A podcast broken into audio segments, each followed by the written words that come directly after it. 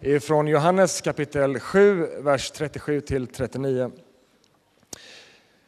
På den sista dagen, den största i högtiden, stod Jesus och ropade ut.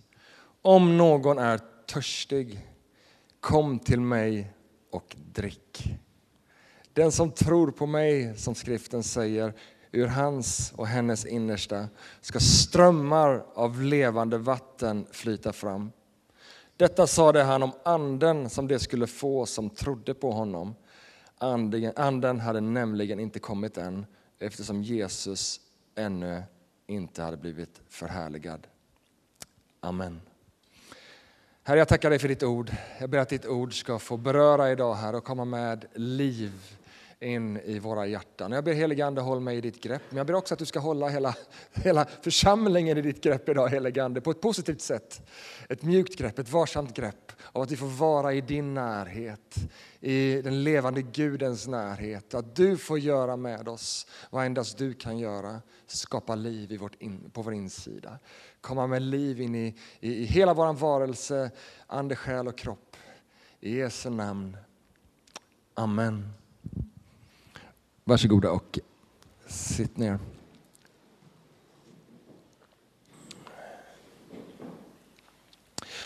Vi eh, är ju här under våren i en serie från Johannes där vi tittar på Jesu sju anspråk eller jag är påståenden.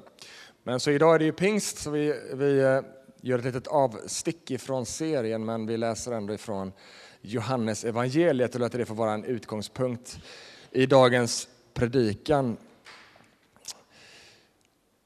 Om någon är törstig så kom till mig och drick. När Jesus beskriver människans djupaste behov, när Jesus beskriver människans behov av gemenskap med Gud, så beskriver han det som en törst. En törst om någon är törstig. Vad är törst? Kaffe är ingen bra törstsläckare. Märkte man blir mer törstig ju mer man dricker. Men det är gott. Vad är törst? Törst är en känsla som uttrycker ett verkligt behov. En känsla som uttrycker ett verkligt behov av vätska för att förhindra uttorkning. Jag vet inte hur du skulle beskriva din relation till Gud. Jag tror att det finns både en unicitet, alltså en unikhet, men också massor med likhet i din och min erfarenhet av Gud. Jag tror det finns både och. Att det finns både en unicitet och en likhet i våra erfarenheter av Gud. En del skulle säkerligen beskriva en ganska så känslomässigt orienterad tro där det finns mycket upplevelser att peka på, känslor, erfarenheter, möten, gudsmöten eller hur du beskriver det. Medan andra skulle beskriva kanske en mycket mer rationell tro baserad på goda skäl. Och kanske ytterligare andra mer, ja men, det är mer som en grundtrygghet i livet, det bara finns där. Det är liksom bara, ja, det är bara så det är. Jag tror. Att Jesus beskriver människans behov av honom som en törst tycker jag är otroligt intressant. Därför att törst bygger broar. Törst bygger broar mellan känsla och det rationella. Precis som törst är en känsla av ett rationellt, verkligt behov. Erfarenheten av Gud kan förstås och upplevas både med vårt förnuft och med vår, nu pekar jag på hjärtat, jag vet inte var känslan sitter riktigt, och med vår känsla. Och det här är någonting vackert. Gud har skapat oss på detta sättet. Inte som antingen eller, utan han har skapat oss som en helhet med en förmåga att både tänka och att känna. Så när vi möter Gud så möter han oss som en hel människa. Och vi får förstå honom, vi får möta honom, vi får erfara honom både med vår känsla och med vårt intellekt. Och kanske är du här och du har mest gjort känslomässiga erfarenheter av Gud. Vad härligt! Grattis! Men vet du vad? Då vill Gud också leda dig in i kunskapen om honom. Inte bara en känsla utan också kunskapen om vem han är och vad livet med honom innebär. Och andra kanske mer har liksom bara engagerat sitt intellekt i sin relation till Gud. Och då tror jag att Gud också vill leda dig in i en erfarenhet av hans närhet. Och när vi idag pratar om den helige Ande den helige Ande är inte det ena eller det andra. Jag tror att ibland så förpassar vi liksom anden till att bara ha med känsloyttringar att göra. Ja, men allt som har med känslor att göra, det är anden. Och det är sant givetvis att anden engagerar våra känslor, för vi hör ju vad Jesus säger. Han säger så här, den som tror på mig. Och det här säger jag om anden. Ur den personens inre ska strömmar av levande vatten flyta fram. Ja, men det är ett språk, vi förstår ju direkt att ja, men det här är ju någonting mer än bara ett intellektuellt förhållningssätt. Det finns någonting av en erfarenhet av göra, att göra. Det finns någonting av strömmar, alltså av liv, av en erfarenhet av Gud.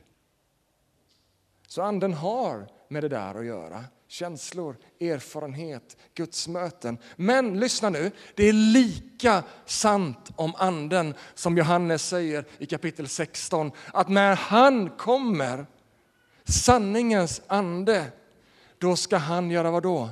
Vägleda er in i hela sanningen.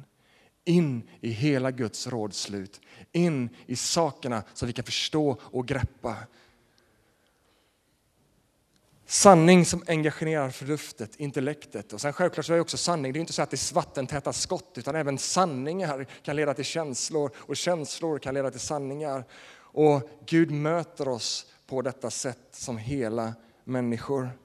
Men jag tror ibland att vi tenderar att se på anden som ett personlighetsdrag hos Gud. Eller liksom som en sida av Gud. Den liksom emotionella sidan av Gud, den liksom upplevelsecentrerade sidan av Gud. Och det blir liksom som en odiffus kraft och, och liksom man möter en människa som är väldigt känslo, känslouttrycksfull och liksom massa känslor. Ja, men den personen har så mycket med anden att göra. Det blir som att, liksom, att, att anden bara är liksom någon form av känslouttryck, att, liksom, att det är Guds känsloliv. Men lyssna nu, anden är inte ett av Guds personlighetsdrag. Anden är inte en sida av Gud. Och idag med min predikan så vill jag lyfta fram och jag vill poängtera att anden är en person i den treenige guden. Det är en fundamental skillnad, inte ett personlighetsdrag, inte lite känsloyttringar. Anden är Gud. Anden är Gud, inte bara en känsla. När vi möter Fadern så möter vi Gud. När vi möter Sonen så möter vi Gud. När vi möter Anden så möter vi Gud. Inte delar av Gud, och det är det här som är mysteriet. Tre i ett. Alltså hur är det? Ja, treenigheten, tre personer i ett. Men tre, de är tre, men så ett. Att när vi möter en så har vi mött alla tre.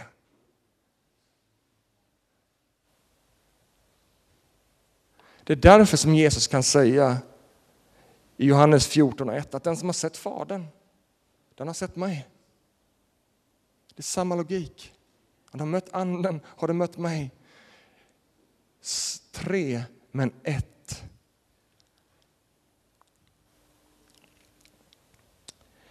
Det är därför. Jag vet inte hur många som har tänkt att Jesu himmelsfärd var ett nedbyte.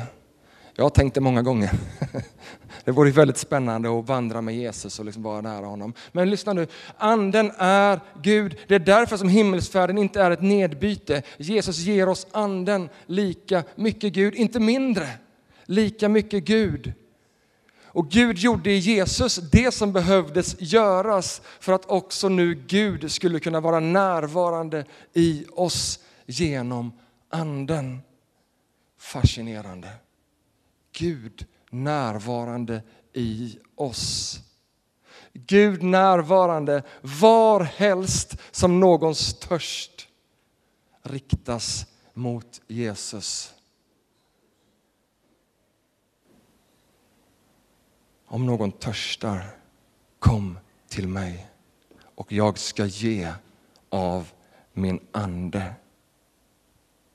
Det är vad som sker när du kommer till tro på Jesus. När din törst för första gången riktas mot Jesus. När du bekänner din tro på Jesus. Då är det inte bara en intellektuell övning eller liksom att du liksom byter livsåskådning. Jag tror att allt för ofta i kristenheten har det blivit så. Vi har liksom på något sätt sänkt ribban så mycket. Liksom det, blir inget, det har liksom inget övernaturligt inslag utan det är bara, ja men det här låter väl rimligt och det var bra. Men när du säger ditt ja till Jesus för att han har sagt sitt ja till dig, då kallar Bibeln det för en ny födelse. Därför att nytt liv föds på din insida. Guds liv, gudomligt liv. Anden tar sin boning i dig. Och anden är inte bara en känsla, utan anden är Gud. Det kristna livet börjar. Det här med anden är inte heller någon bonus eller något som kommer senare när man har tagit nästa kurs.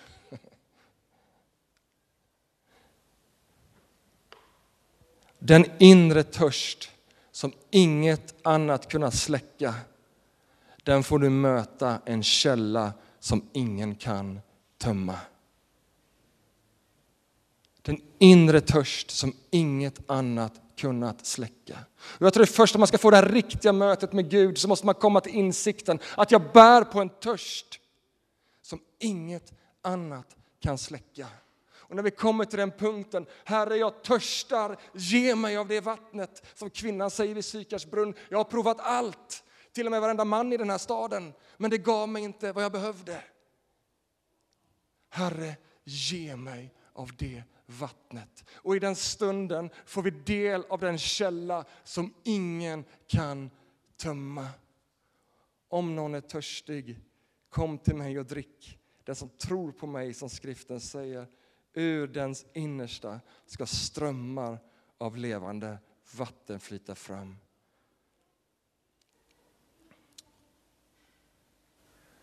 Det innebär inte att du aldrig kommer att törsta igen. Eller känna törst igen. Men det innebär att vi fått del i den enda källa som faktiskt på riktigt kan möta vår djupaste törst. Vi vet var vi kan släcka törsten och vi har tillgång till den källan. Jag vet inte hur det är i ditt liv, men allt för ofta har jag gjort erfarenheten av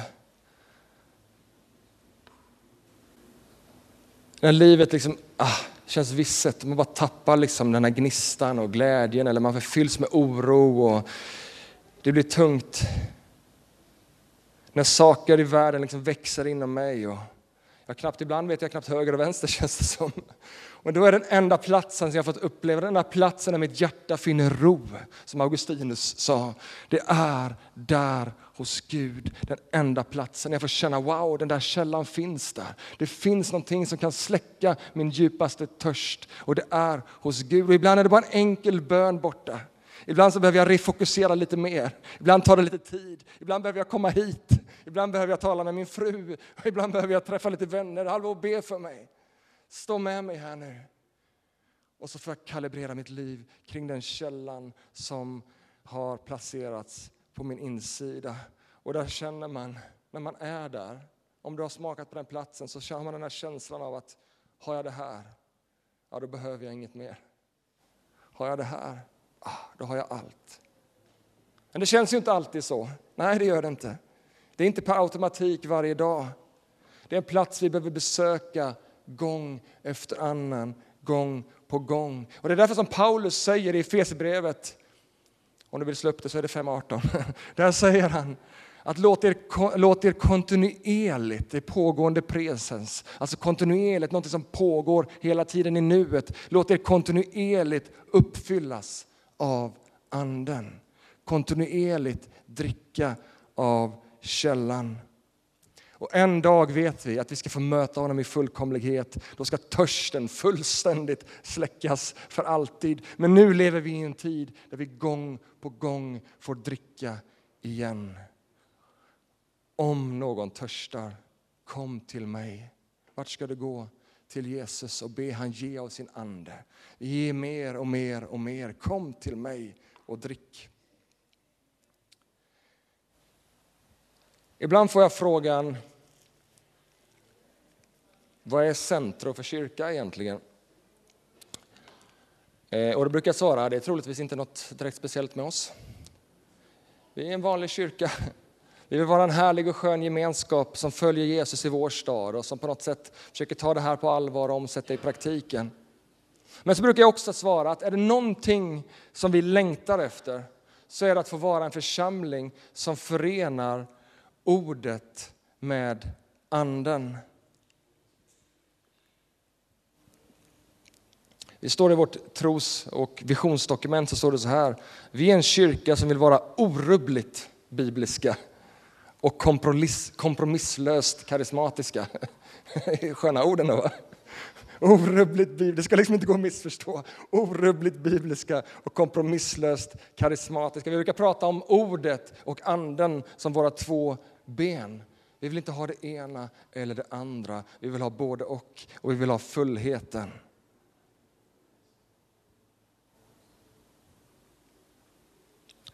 Vi är fast övertygade om att vi behöver anden och ordet lika mycket av båda. Och redan i skapelsen, det här är inget konstigt, redan i skapelsen man slår upp första sidorna i Bibeln så ser vi hur anden och Guds ord samverkar. Anden svävade över vattnet och Gud talade sitt skapande ord.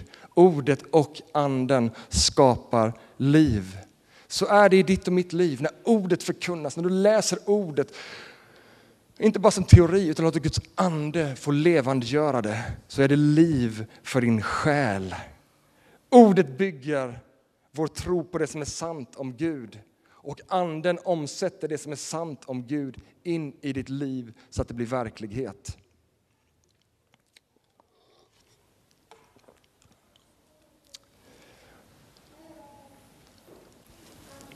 I Galaterbrevet, som är en annan bok i Nya Testamentet, så läser vi om någonting som kallas för Andens frukt. Och det står så här.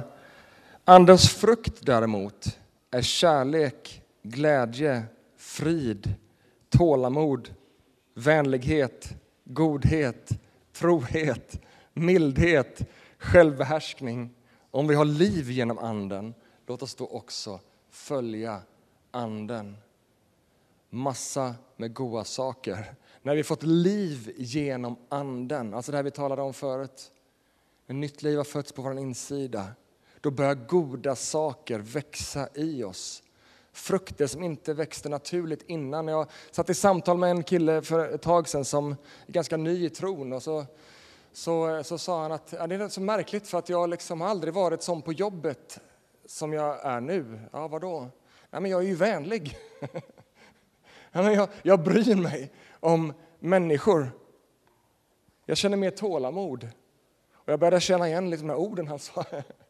Ja, det kanske är Andens frukt, eller det är Andens liv som har börjat växa i dig. Goda frukter för andra att äta. Och sen på andra ställen och ett av de kändaste ställena är första Korinthierbrevet 12 för dig som kan din bibel. Men det finns fler ställen som talar om det som, som, handlar, som, som, som Bibeln, vi kan beskriva som Andens gåvor.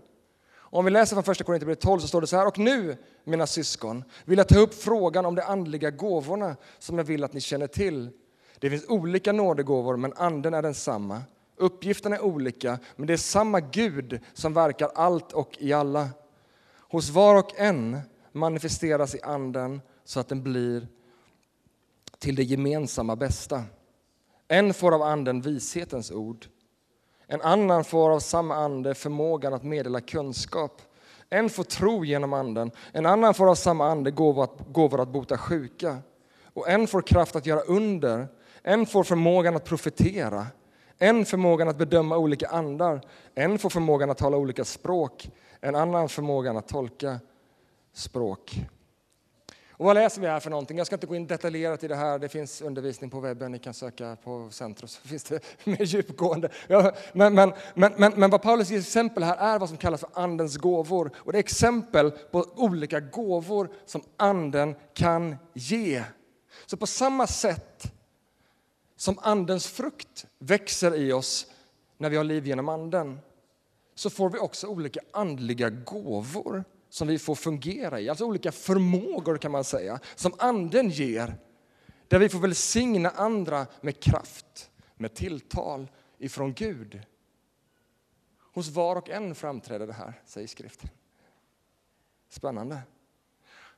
Och det här med andens gåvor är liksom inga skrivbordsprodukter. Du som har funderat över det här, liksom, oh, men det här med andens gåvor, hur ska jag, liksom, det är inga skrivbordsprodukter. Man kommer inte fram till vilka andliga gåvor man har genom att sitta och tänka. Men däremot när vi börjar praktisera, när vi börjar be för människor, när vi börjar be hemma och liksom söka Gud och när vi betjänar andra och trossyskon som kanske brottas och har det tufft och vi börjar liksom finnas där och samtala. Men hur, kan jag, hur kan jag hjälpa dig? Hur kan vi be tillsammans? Där, vet ni vad? Där är Andens gåvor kommer till liv. Därför att Andens gåvor är till för att det ska bli till nytta för andra. Så där kan vi få börja upptäcka och se saker fungera. Och när jag förberedde den här predikan så började jag fundera lite grann kring det här med Andens frukter och Andens gåvor. Vad är det för någonting egentligen? För när man tittar på det kan man tycka att det här är ju lite slumpmässigt bra grejer. Man blir lite vänligare och lite godare och lite snällare och lite tålmodigare. Och sen så kan man hjälpa andra här. och Man kanske kan bota någon sjuk till och med. Wow, liksom, men det här är, massa, är det lite så slumpmässigt bra saker? Lite godis som Gud ger. Eller, och en del godissorter kanske jag inte tycker så mycket om.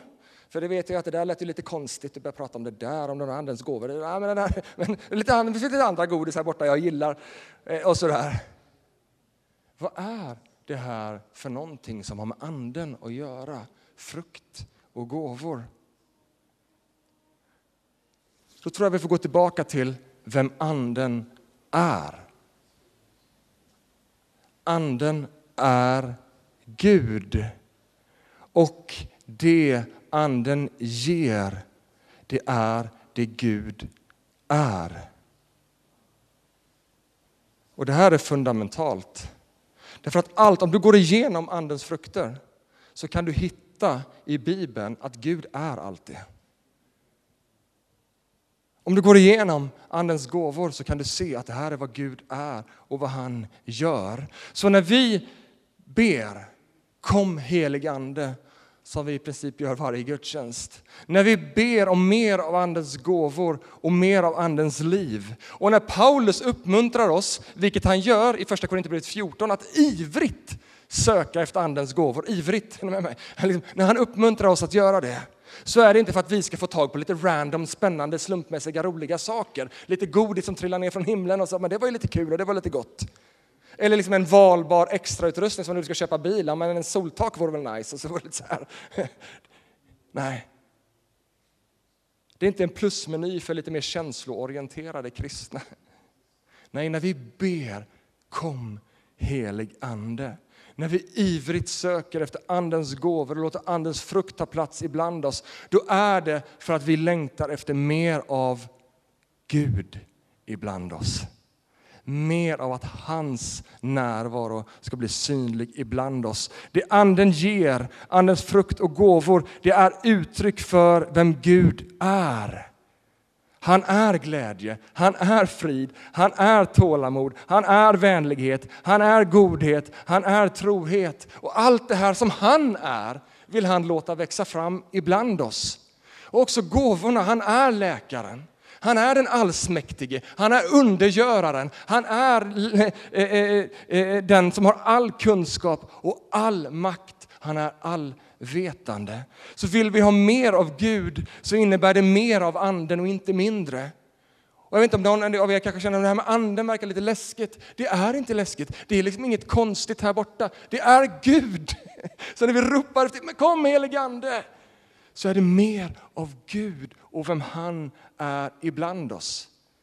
Så det här med att vara pingstkyrka, det är väldigt konstigt egentligen, för egentligen är varenda kyrka påskkyrka och pingstkyrka och allt vad det är för någonting. Därför att alla vill vi ha del av allt det som Gud är.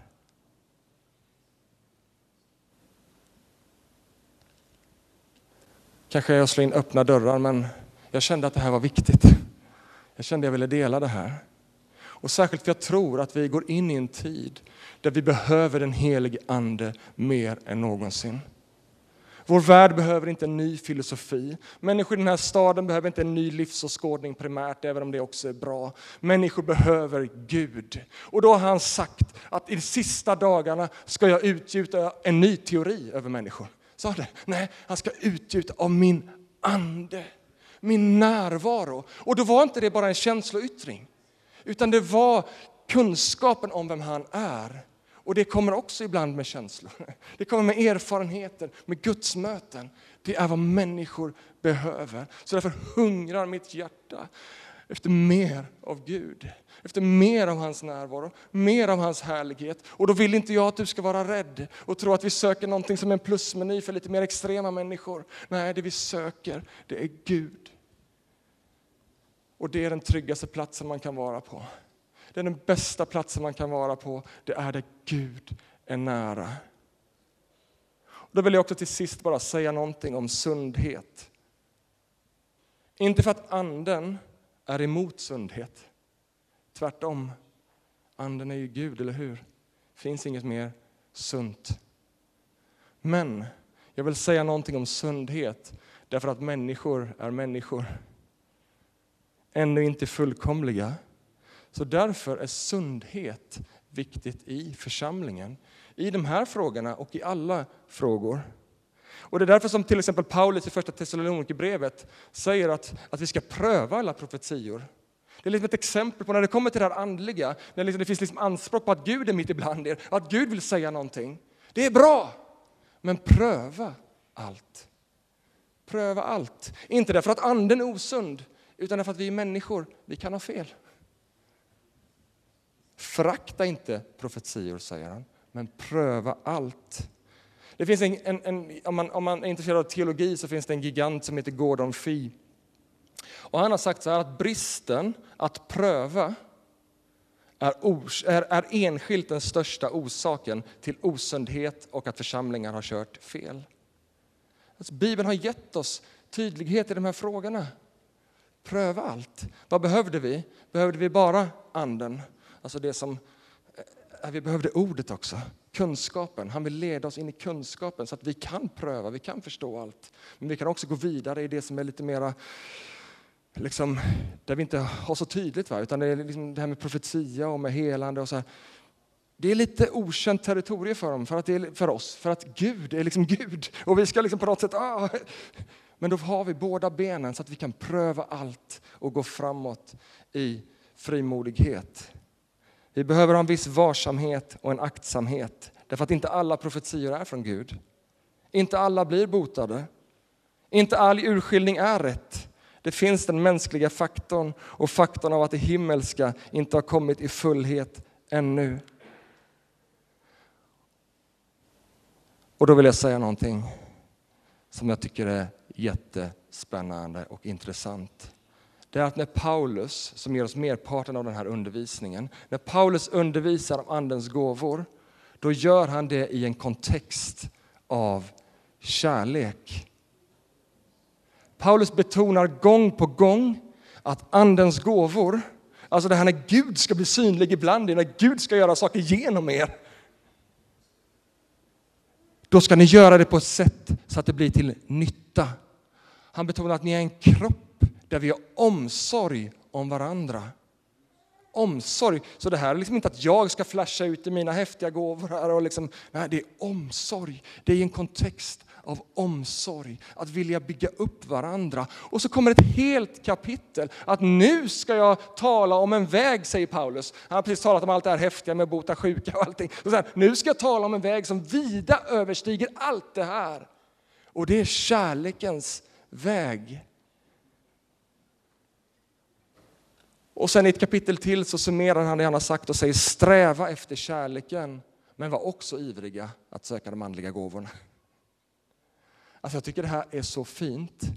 Därför att om kärleken är överordnad, om vår yttersta intention är omsorg och att bygga upp och älska, lyssna nu, då är ingen skada skedd om inte allt blir helt rätt. Därför att det skedde i kärlek. Då kommer personen att känna sig älskad och uppmuntrad, även om det profetiska tilltalet inte var så där jätteskarpt. Ibland är det kanske lite mer välvilja än ett direkt tilltal från Gud. Men sker det i kärlek och med omsorg och med intentionen att bygga upp, vad är då för skada skedd? Jag tror det är det här som Paulus är ute efter, så att vi ska kunna känna oss trygga i det här. Och är det någon som flashar ut och liksom man märker att du har inte, hallå tagga ner. Sök kärleken först så kan vi prata om det andra sen. Så Paulus ger oss det här goda sammanhanget. Så även om personen du ber för inte blir helad, så känner sig personen mer älskad och uppmuntrad efteråt. Det måste vara vårt mål, vår intention i allt vi gör. Då kan vi sträcka oss efter allt det härliga som Gud har för oss. Och kärleken överträffar allt. På så sätt kan Gud verka genom vanliga människor som dig och mig. Ännu inte fullkomliga. Gud kan framträda genom mig. Oh, scary, ja. Men om kärleken finns där, om omsorgen finns där, mm, då finns det en väg framåt. En sån här kyrka vill jag vara en del av och jag är så många sätt tacksam över att jag är del och kan säga att jag är del av en kyrka som ser det här växa fram mitt ibland oss. Då behöver vi ordet för att kunna pröva allt och söka sundhet. Och vi behöver anden för att det inte bara ska bli teorier utan det ska bli liv, Guds närvaro mitt ibland oss. Ibland säger jag, jag söker inte gåvorna, jag söker Gud. Kanske är det helt konstigt att säga så. Kanske kan vi inte skilja på sakerna. Att söka gåvorna är att söka Gud och vem han är mitt ibland oss. Men vi söker gåvorna, inte för vår skull, utan för människors skull runt omkring oss. För att de ska få möta Gud och möta den frihet och det liv som han vill ge oss. Kom, helig Ande. Kom, helig Ande. Kom, helig Ande. Vi längtar efter dig och din härlighet. Herre, jag ber att det som jag har försökt att dela från hjärtat idag, kanske lite annorlunda än andra söndagar. Men jag ber Herre att det som du har behag till, att det ska få beröra våra hjärtan och våra liv. Jag ber Herre att du ska fylla atmosfären med din närhet, med din godhet.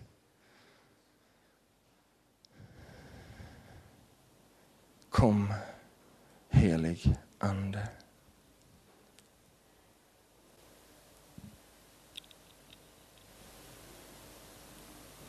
Ska vi ställa oss upp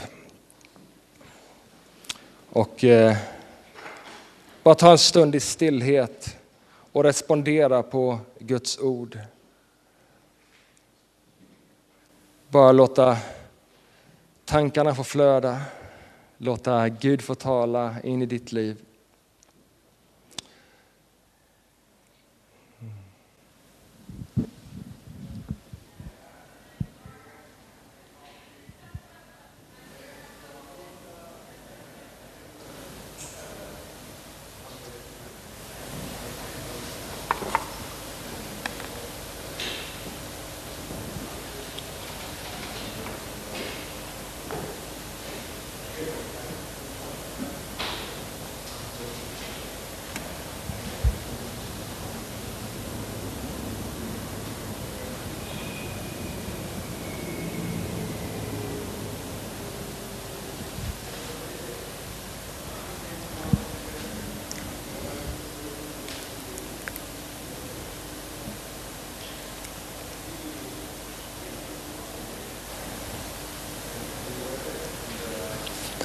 Vi eh, kommer alldeles strax fira nattvard tillsammans. Och efter nattvarden, så, när du tagit emot nattvarden, vi har nattvardsgång, så finns det förebedjare som vill be tillsammans med dig. De har blå, blått eh, band runt halsen så att du känner igen dem.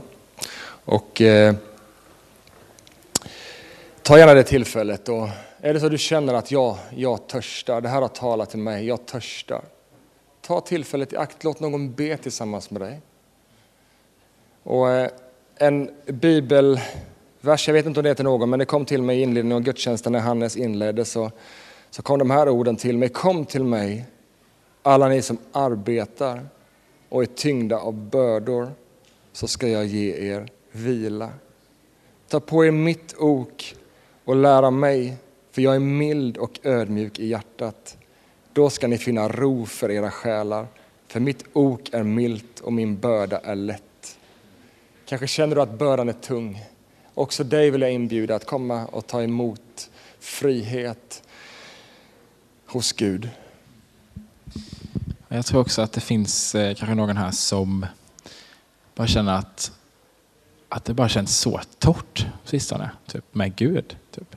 Att det känns bara som en öken. Typ. Och jag tror verkligen att Gud vill eh, fylla dig med hans levande vatten. Eh, han vill göra en väg i öknen. Eh, och jag tror att eh, det finns en öppen inbjudan från Gud eh, att få komma till honom och dricka. Och eh, om det är du så gå jättegärna på förbön. Och även om du inte gör det så kan han möta dig där du är såklart. Eh, så Gud, jag bara tackar dig Eh, för den personen, de personerna som känner så.